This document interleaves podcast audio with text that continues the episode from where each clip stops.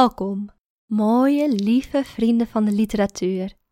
Ik ben Richelle en wat fijn dat je weer luistert naar Verhalen in de Vensterbank.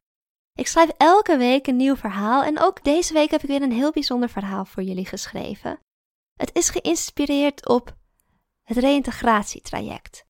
Als mensen een tijdje buiten de maatschappij hebben gestaan, bijvoorbeeld omdat ze zijn opgenomen of omdat ze in de gevangenis hebben gezeten, dan krijgen ze daarna een reïntegratiecoach toegewezen die hun dan weer helpt om een onderdeel van de maatschappij te worden. En een van de, zeg maar, een van de eerste stappen in mijn ervaring die een reïntegratiecoach met je neemt is vrijwilligerswerk zoeken. En ja, er bestaan dus bepaalde baantjes die erg geschikt zijn voor uh, mensen die proberen te reïntegreren, waardoor er een soort van clusters bestaan van mensen die nog eigenlijk heel dicht bij een ja, best wel zware, duistere periode in hun leven zitten.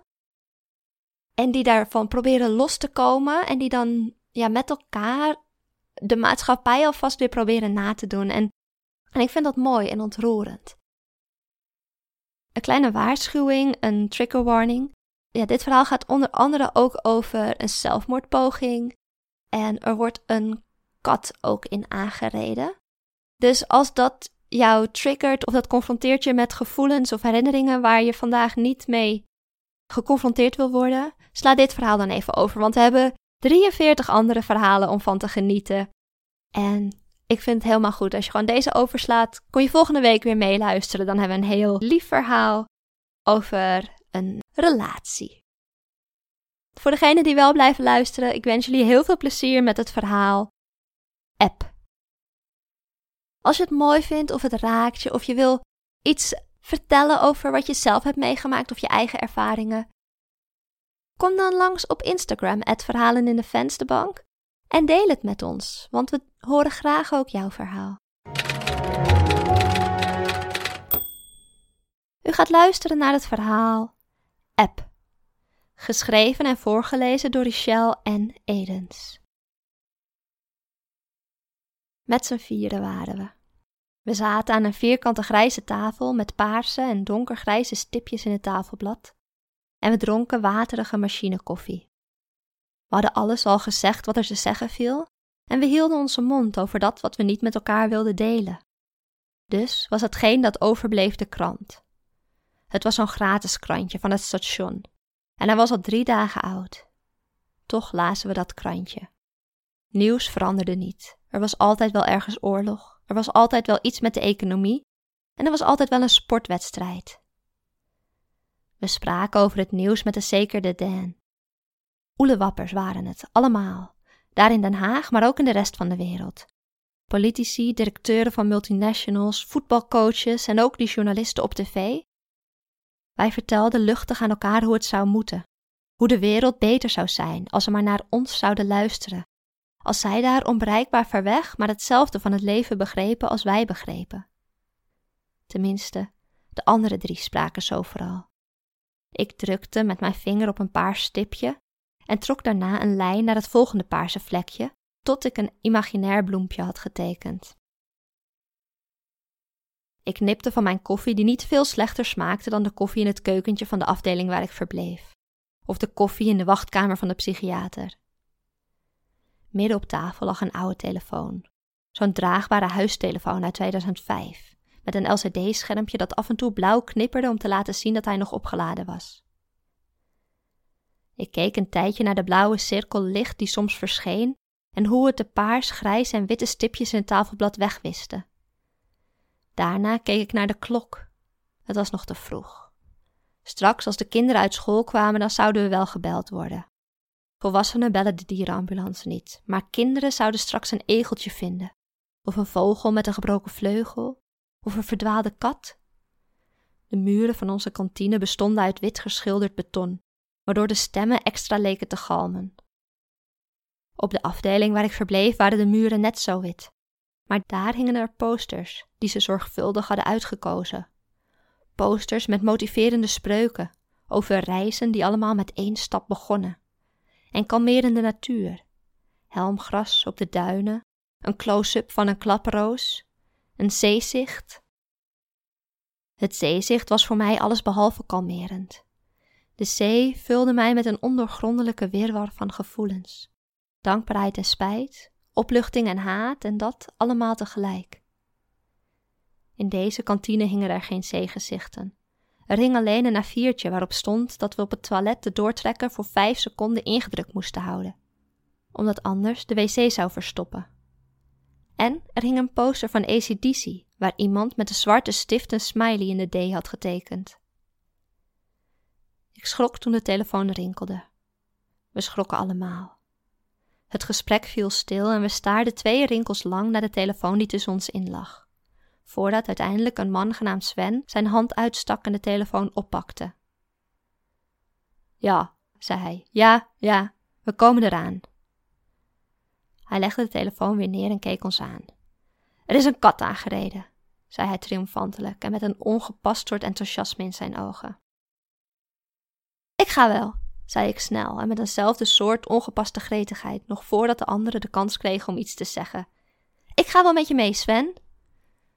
Een moment later klom ik op de bijrijderstoel van de dierenambulance. Ik kende Sven niet zo goed, maar uiteindelijk kende ik niemand hier echt goed. En zij kende mij niet. Ze wisten dat ik opgenomen was op een psychiatrische afdeling, maar ze wisten niet waarom of hoe lang of welke diagnoses ik inmiddels had verzameld. Ze wisten niet van mijn zelfmoordpoging die eraan vooraf was gegaan. Ze wist alleen dat ik van mijn reïntegratiecoach vrijwilligerswerk moest doen. En zo wist ik van Sven dat hij in een penitaire inrichting had gezeten en dat hij door eenzelfde soort reïntegratiecoach ook bij de dierenambulance als vrijwilliger was aangemeld. We reden door de stad. Grauwe flatgebouwen schoten voorbij. Kinderen spelend op straat, een benzinestation met een Volvo-dealer ernaast. Een rijkere buurt met vrijstaande huizen, verborgen achter bomen. Een winkelstraat, meer flats. We hadden geen sirene.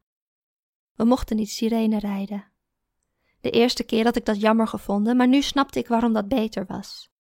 De sirene zou mij alleen maar herinneren aan die bewuste nacht. En voor Sven zou er waarschijnlijk eenzelfde soort traumatische herinnering aan de sirene zitten. Er was de nacht dat ze mij dronken van de pillen en zwaar onderkoeld uit zee hadden getrokken. Naakt lag ik daar op die brancard, in een stinkende, prikkende deken gewikkeld. En met de sirenes aan sjeesten we door de stad op weg naar het ziekenhuis. En terwijl zij plannen maakte om mij in leven te houden, probeerde ik alsnog te sterven. Misschien was ik inmiddels koud en vergiftigd genoeg om mijn hart er alsnog mee te laten ophouden. Achterin een ambulance sterven was natuurlijk minder poëtisch dan terugkeren naar zee terugkeren naar de moederschoot van al het leven op aard. Maar de dood was belangrijker dan een artificiële poëtische betekenis. Later vertelde ze me dat het koude zeewater mijn metabolisme had vertraagd en dat dat juist hetgene was wat mij had gered. Niet aan denken, niet aan die bewuste nacht denken. Ik was nu de hulpverlener, niet de patiënt. We zijn er bijna, zei Sven uit het niets. Zal ik de radio aanzetten? Is goed, hoorde ik mezelf zeggen, ook al kon het me weinig schelen. Hij drukte op een knopje en een Nederlandstalig lied schalde door de cabine. Sommige medepatiënten zeggen dat de muziek hen door een moeilijke periode in hun leven heeft geholpen. Maar dit soort muziek laat mij enkel wensen dat mijn poging meer succesvol was. Nog voor we bij het refrein waren aangekomen, stopten we al voor een rijtjeshuis. Er stonden twee kinderen bij een auto en ze zwaaiden enthousiast naar ons. Met plechtige gezichtjes wezen ze naar de restanten van een kat. Een bruin-oranje vacht met kleverige bloedplekken erin. Er lag ook een plasje bloed op straat. Zijn heupen dusdanig gedraaid. Hoogstwaarschijnlijk was zijn rug gebroken. Hij miauwde zachtjes. Hij leeft nog, zei een van de kindjes hoopvol. Jullie gaan hem weer beter maken, hè? zei de andere. Absoluut, zei ik. Sven en ik trokken handschoenen aan en haalden een muffe reismand uit het busje. Toch durfden we allebei de kat niet met onze handen op te tillen. Er was immers de kans dat we zijn rug nog verder braken en we in de ogen van de kinderen moordenaars zouden zijn. Dus schepten we hem op met de sneeuwschuiver die we achter in de ambulance vonden. We zetten de kat achterin en zwaaiden naar de kinderen tot we een hoek omgingen. De muziek speelde verder waar die eerder gestopt was en het hoempapa-refrein vulde de cabine. We wisten allebei wat er moest gebeuren. En we wisten ook allebei dat we tegen de kinderen hadden gelogen. Er hoefde niets meer gezegd te worden, maar toch voelde het ongepast om in complete stilte te handelen. Nou ja, om in hoempapa-muziek, maar in de afwezigheid van ieder menselijk contact te handelen. Jij of ik? vroeg ik, ook al wist ik dat ik het moest doen. Ik rijd, zei Sven. Wou jij rijden? Nee, zei ik. Ik klom over de stoel naar achteren en ging zitten naast de rijswieg. Het leven was oneerlijk. Het leven was op zoveel verschillende manieren oneerlijk. U heeft geluisterd naar het verhaal App, geschreven en voorgelezen door Richelle en Edens. Hartstikke bedankt voor het luisteren naar dit verhaal. En ik ben heel benieuwd wat je ervan vond. Als, het, als je het mooi vond of het heeft je geraakt, kom dan langs op Instagram, het Verhalen in de Vensterbank, en laat een comment achter.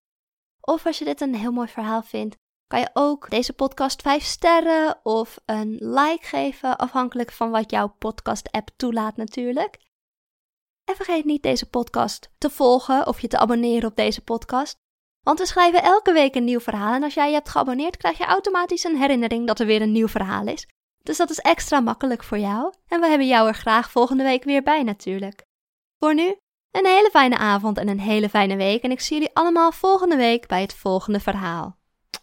Doei doei!